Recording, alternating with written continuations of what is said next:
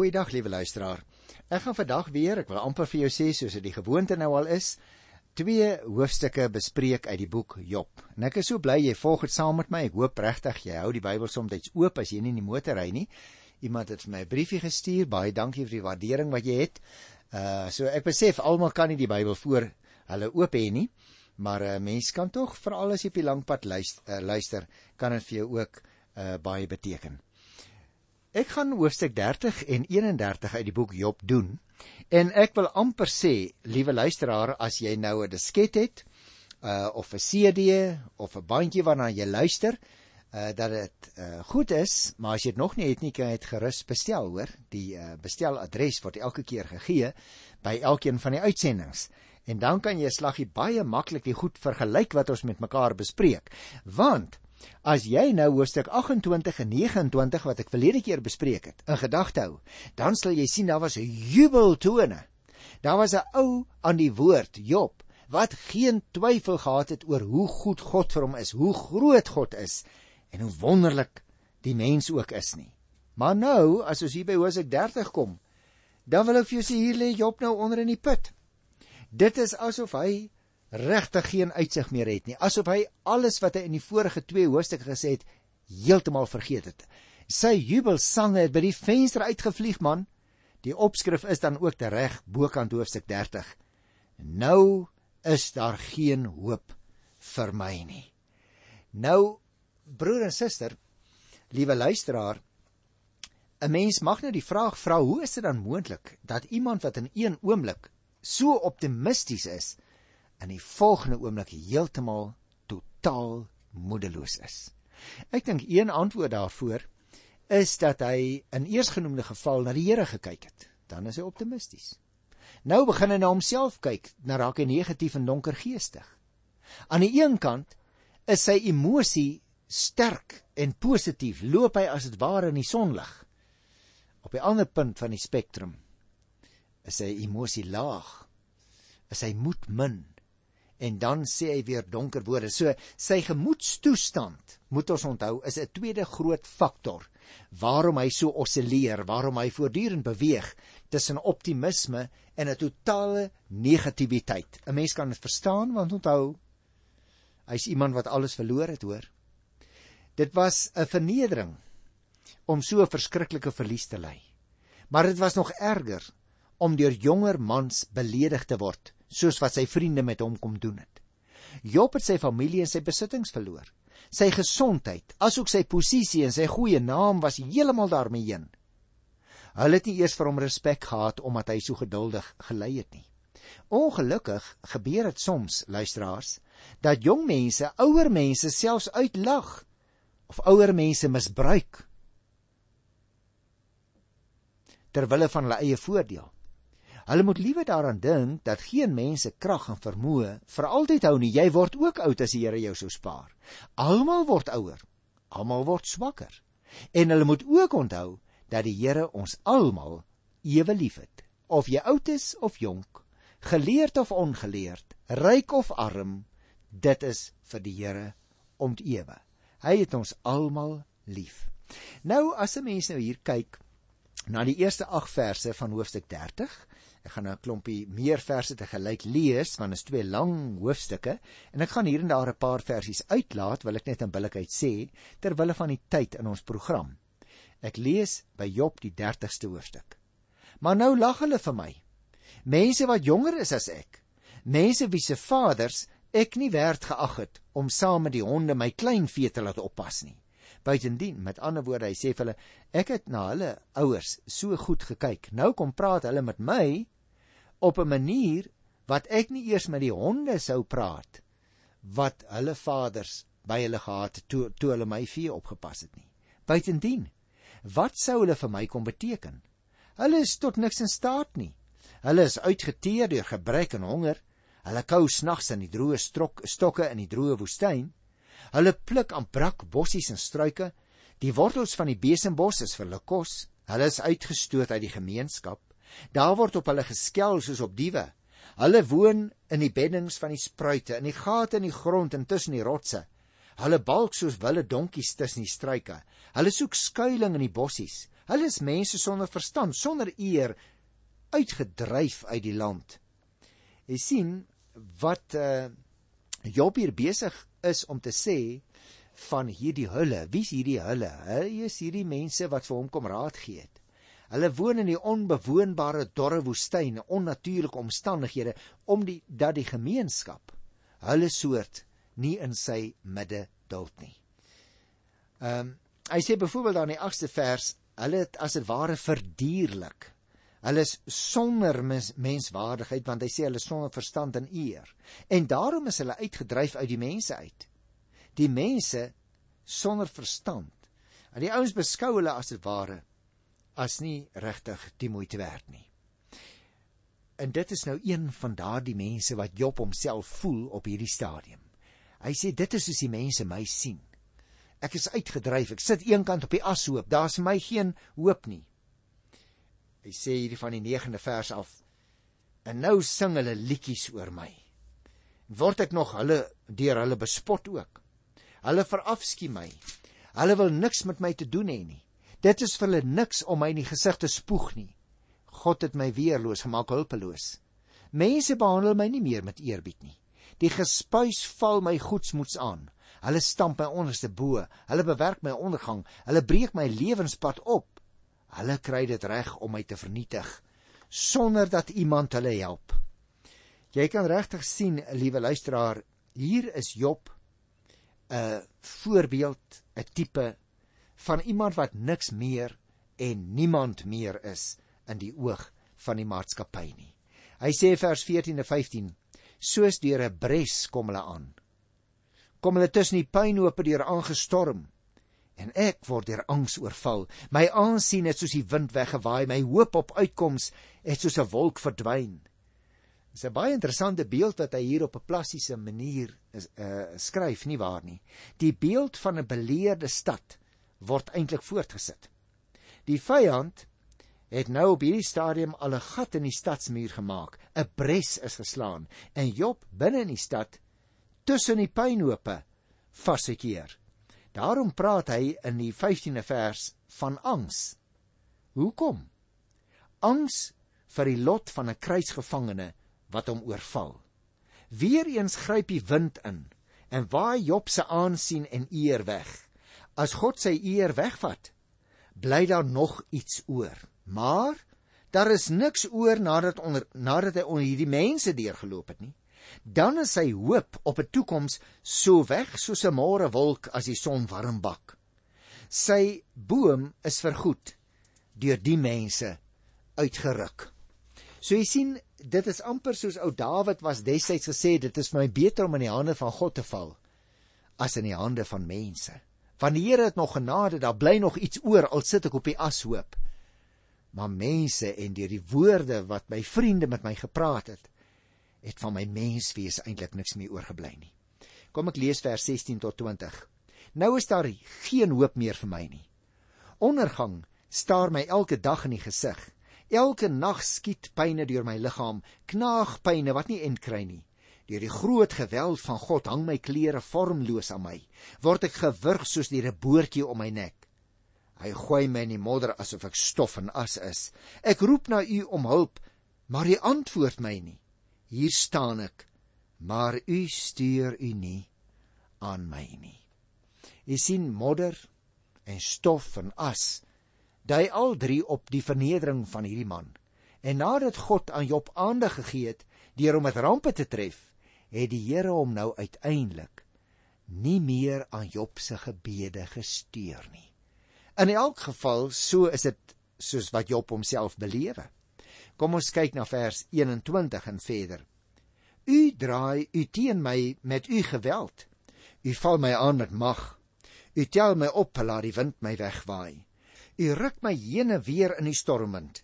Ek weet dat u my bestem het vir die dood, die plek waar alle mense saamkom.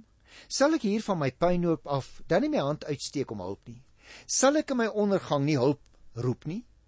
Het ek nie trane gestort vir die wat swaar kry nie? Het ek nie meegevoel getoon met die armes nie? Jy sien liewe luisteraar wat hier gebeur. Uh is wat met uh Job waarskynlik nie op een dag nie, maar deur 'n proses gebeur het. En wat met hom gebeur het, is anders as wat hy teenoor hulle aan wie hy goed gedoen het, opgetree het. Hulle het swaar gekry sê hy en hy het hulle gehelp. Maar nou dat hy swaar kry, beleef hy dit asof die Here hom as dit ware eintlik nie meer help nie. So dit is regtig 'n krisistoestand wat in hierdie man se gemoed losgebars het. Dit is 'n storm wat hy as dit ware op hierdie punt van sy bestaan nie meer kan beheer nie. Luister van vers 27 af. Ek het toe die goeie verwag, maar rampe het my getref. Ek het uitgesien na lig, maar donker het my oorval. Dit kook in my. Ek kom nie tot rus nie. Dae vol swaar kry bly my inwag. Ek het swart geword, maar nie van sonbrand nie. So staan ek hier tussen julle en roep om hulp. Al broers wat ek het is die jakkalse. Al vriende wat ek het is die volstruise. Nou liewe luisteraars, die siekte wat hy gehad het, uh, is waarskynlik dit wat neerslag vind in vers 28 waar hy sê ek het swart geword, maar nie van sonbrand nie. So siekte en nie die son nie het vir Job swart gemaak. 'n Mens kry iets daarvan ook in die boek Hooglied by uh, die eerste hoofstuk by vers 5 sal jy onthou. Maar dit kan ook wees dat dit as gevolg is van die as op sy vel dat hy mettertyd donkerkleurig geraak het. Hy leef saam met die diere, né? Soos die gespuis, die chunk van die jakkalse, sowel as die brul van die volstruise. Is ook in Micha by die eerste hoofstuk vers 8 gekoppel aan die mense brul van pyn, wat ons ook hier kry in hierdie gedeelte, wat Job se roep om hulp geword het. En hierin het hulle Job se broers en vriende geword. Vers 30 uh en 31 sê: Oor my hele lyf het my vel swart geword. Ek gloei van die koors. Al wat vir my oorbly is 'n treurlied op die lier, 'n lied van trane op die fluit. O, liewe luisteraar, ek wil ek wil vir jou sê, die siekte het sy tol geëis op Job se voorkoms. En dit voorspel eintlik net een ding: sy dood. En daarom wag daar vir hom eintlik net 'n klaaglied om te sing met die hartseer klanke van die lier en die fluit. Dis amper soos 'n viool in ons tyd. Dan kom ons by die 31ste hoofstuk waar Job nou sê ek het my saak gestel. Dit is amper soos 'n prokureur of 'n advokaat in die hof wat sê ek het my saak gestel. Dankie u edele, ek is klaar.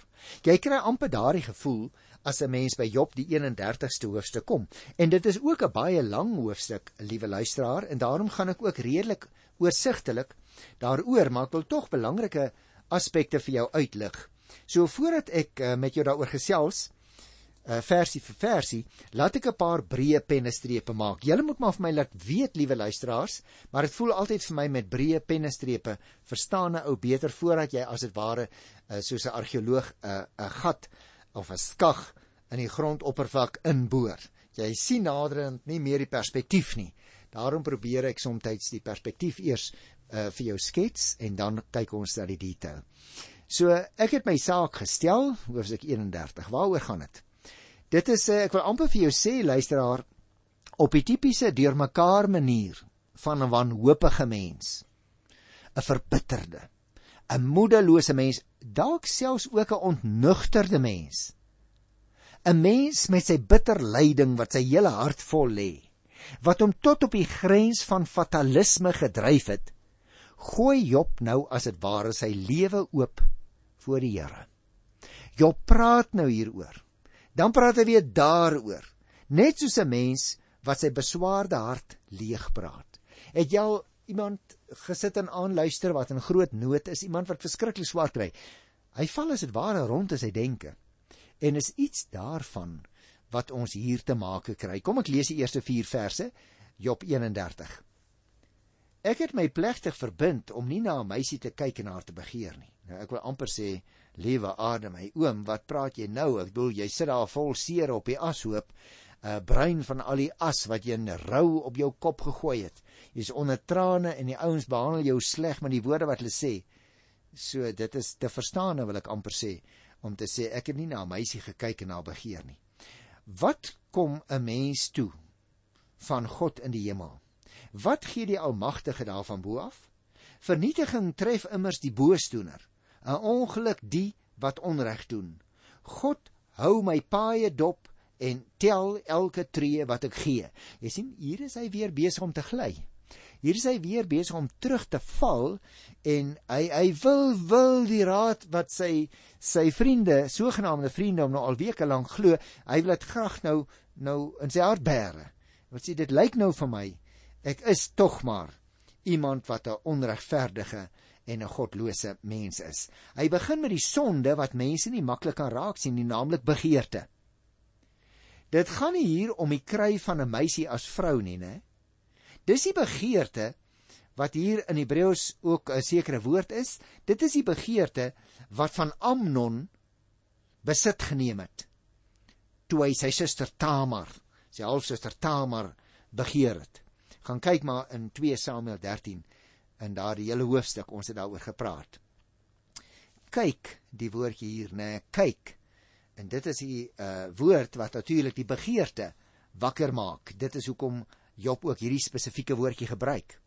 Al sien mense nie die begeerte by my en by jou raak nie, liewe luisteraar, sien God dit, so sê hy in vers 2 en 3, van bo af. En dan straf hy die boosdoener. Weereens sê Job dus eintlik die sondaar kry straf. En nou sien ek of 'n straf ek verduur. Ek is sekerlik maar 'n sondaar. Nou wat vers 4 betref wil ek sê die feit dat God uit die hemel kyk en al die mense sien, hou persoonlike betekenis in vir Job. Daarom het hy so versigtig gelewe. Hy het besef dat uh, dat die Here alle dinge sien en daarom het hy van tevore baie baie versigtig gelewe maar nou nou voel dit vir hom dit het eintlik niks gebaat nie. Luister om hier van vers 4 af. As ek my sou opgehou het met valsheid agter bedrog aangeloop het laat God my dan weeg op 'n betroubare skaal dat hy kan weet dat ek onskuldig is. As ek die spoor byster geraak het my deur my begeerte laat lei het en my hande besoedel het laat ander mense eet wat ek gesaai het of laat die gesaaiedes uitgeruk word. Dis 'n patetiese mens, liewe luisteraar, wat ons hier aan die woord het, dit roer eintlik 'n mens se hart want daar van vers 5 af praat hy van bedrog, nê. Bedrog het natuurlik dikwels met 'n onbetroubare skaal verband gehou, maar Job weet dat slegs die betroubare skaal van God sal kan bepaal of hy onskuldig is of hy dalk skuldig is aan die ander kant aan begeerte en nie sy hande besoedel het nie deur 'n ander om die lewe te bring of om sy eie begeerte te bevredig nie. Hy worstel met homself baie duidelik. Vers 9 en 10 as ek my deur 'n ander se vrou laat verlei het 'n grete geloer het na my buurman se deur laat my vrou dan vir 'n ander man koning maal laat ander by haar slaap Jy sien die sonde van begeerte wat ons in die eerste vers nou reeds teëgekom het, kan natuurlik ook 'n daad word wanneer Job hom laat verlei en egbreek pleeg deur na sy buurman se vrou te loer. Dan gee Job sy eie vrou af om vir ander slawewerk te doen aan die se seksuele begeertes uitgelewer te wees. Nou weet ons op hierdie stadium was Job 'n totale hooploos en 'n uitsiglose persoon. Lees ons ve verder van vers 11 tot by vers 14, dan brei daarop uit. Hy sê: "As ek so iets gedoen het, dit sou 'n skande gewees het, 'n misdaad vir regters om te straf. Dit sou 'n vuur gewees het wat alles vernietig en al my besittings verteer, as ek nie reg gedoen het aan my slawe en slavinne toe hulle grief teen my gehad het nie. Wat sou ek kon doen as God van my rekenskap eis?" Hoe sou ek my kon verweer as hy my tot verantwoording roep? Jy sien, Job is in beginsel gekant teen egbreek en hy beskou dit as 'n skande, so sê hy. In die 12de vers sê hy die begeerte wat tot egbreek lei, lei later soos 'n vuur wat alles vernietig.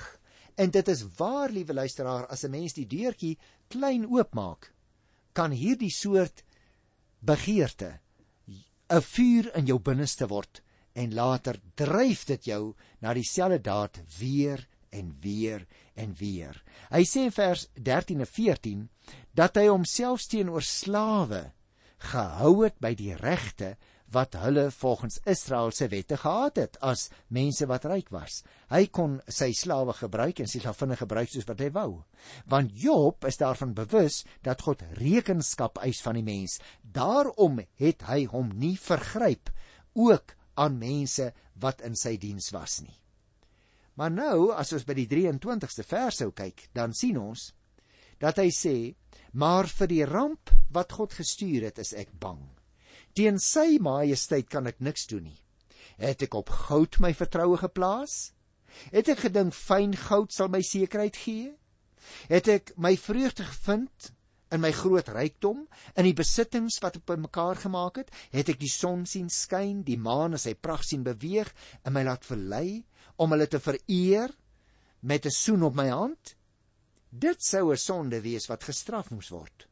Want dan sou ek God daarbo verloon het. Jy sien Job skrik eintlik van wat hy gesê het, want deurentyd hou hy nog steeds vol dat God hom wederregtelik gepak het. Dat God hom as dit ware verguis het voor mense en vergruis het as dit ware, sodat hy nou daar op die ashoop moet sit. Hy sê byvoorbeeld van vers 29 af: Het ek my verheug oor die ongeluk van my vyand? Was ek bly as 'n ramp my tref? Nee. Nee, ek het nie met 'n enkele woord gesondig en hom dood gewens nie. Het die mense in my diens ooit gesê, by Job het ons nie genoeg gekry om te eet nie. Selfs 'n vreemde het nooit by my buite geslaap nie. Vir 'n reisiger het my deure altyd oopgestaan. Jy sien gasvryheid teenoor vreemdelinge, liewe luisteraar, en sorgsaam vir hulle wat aan sy diens is. Dit is die kenmerke wat Job se optrede deurgangs gedra het deur sy hele lewe totdat hierdie goed my getref het. Van vers 33 af sê hy: Het ek soos ander my oortredinge weggesteek en my sonde vir myself gehou omdat ek vir die mense bang was en die minagting van my familie gevrees het, het ek stil gebly en dit nie buite gewaag nie. So Job sê hierso baie duidelik dat hy nie byvoorbeeld soos Adam probeer het om sy sonde weg te steek nie. Luisteraar, gaan kyk maar weer in Genesis 3 dan sê jy sien wat Adam gedoen het om sy sonde weg te steek. Daar was nie ander mense wat Adam gesien het nie, maar hy het wel probeer om sy sonde vir die Here weg te steek. Wie jy, jy en ek beland ook so maklik op die pad van bedrog omdat ons bang is dat ons sondes ontdek sal word want ons probeer deur leuns verseker dat ons goed lyk in ander mense se oë. Is dit nie waar nie? Ons wil almal goed lyk. Ons moet onthou, liewe luisteraar, dat ons nie vir die Here kan wegkruip nie. Erken jou sondes en stel jouself vry om sy vergifnis in sy nuwe lewe te ontvang. Vers 35 tot 37. Is daar dan niemand wat na my luister nie? My saak het ek gestel Nou moet die Almagtige my antwoord. As iemand wat 'n klag teen my het, dit op skrif sou stel, sou ek dit sonder meer bekend maak. Dit sal nie vir my 'n skande wees nie. Ek kan rekenskap gee van elke tree wat ek gegee het. Ek kan my teenstanders met vrymoedigheid tegemoet gaan. So jy sien hy's besig om te sê ek kan regtig rekenskap gee van my hele lewe, ook teenoor my teenstanders. Die versekering dus dat hy nie ander se grond wederregtelik gebruik het nie. Dit kom so as 'n nagedagte in hierdie verse. 'n Mens kry die gevoel dat Job nou sy saak klaar gestel het. En daarom wil ek afsluit met die laaste verse hierso van uh hierdie hoofstuk waarin Job sê hier vers 31 van vers 38 af hy sê as die grond wat ek bewerk 'n klag teen my het en my ploegvore saam sou proteseer as ek sy opbrengs verteer het sonder vergoeding aan sy eienaars en hulle van honger laat vergaan het mag daar dan dorings groei in plaas van koring onkruid in plaas van gras. Job is absoluut in sy hart oortuig dat hy reg opgetree het teenoor mense dat die klagtes wat hulle teen hom ingebring het sy vriende dat dit nie op pote staan nie dat hulle hom wederregtelik beskuldig het. Nou sê hy, die Here moet nou maar oor my oordeel. Ek groet jou in die wonderlike naam van ons liefdevolle Here wat plek het in sy hart vir sondaars met sagte oë in en deur Jesus Christus na jou en my kyk ten spyte van. Tot volgende keer. Totsiens.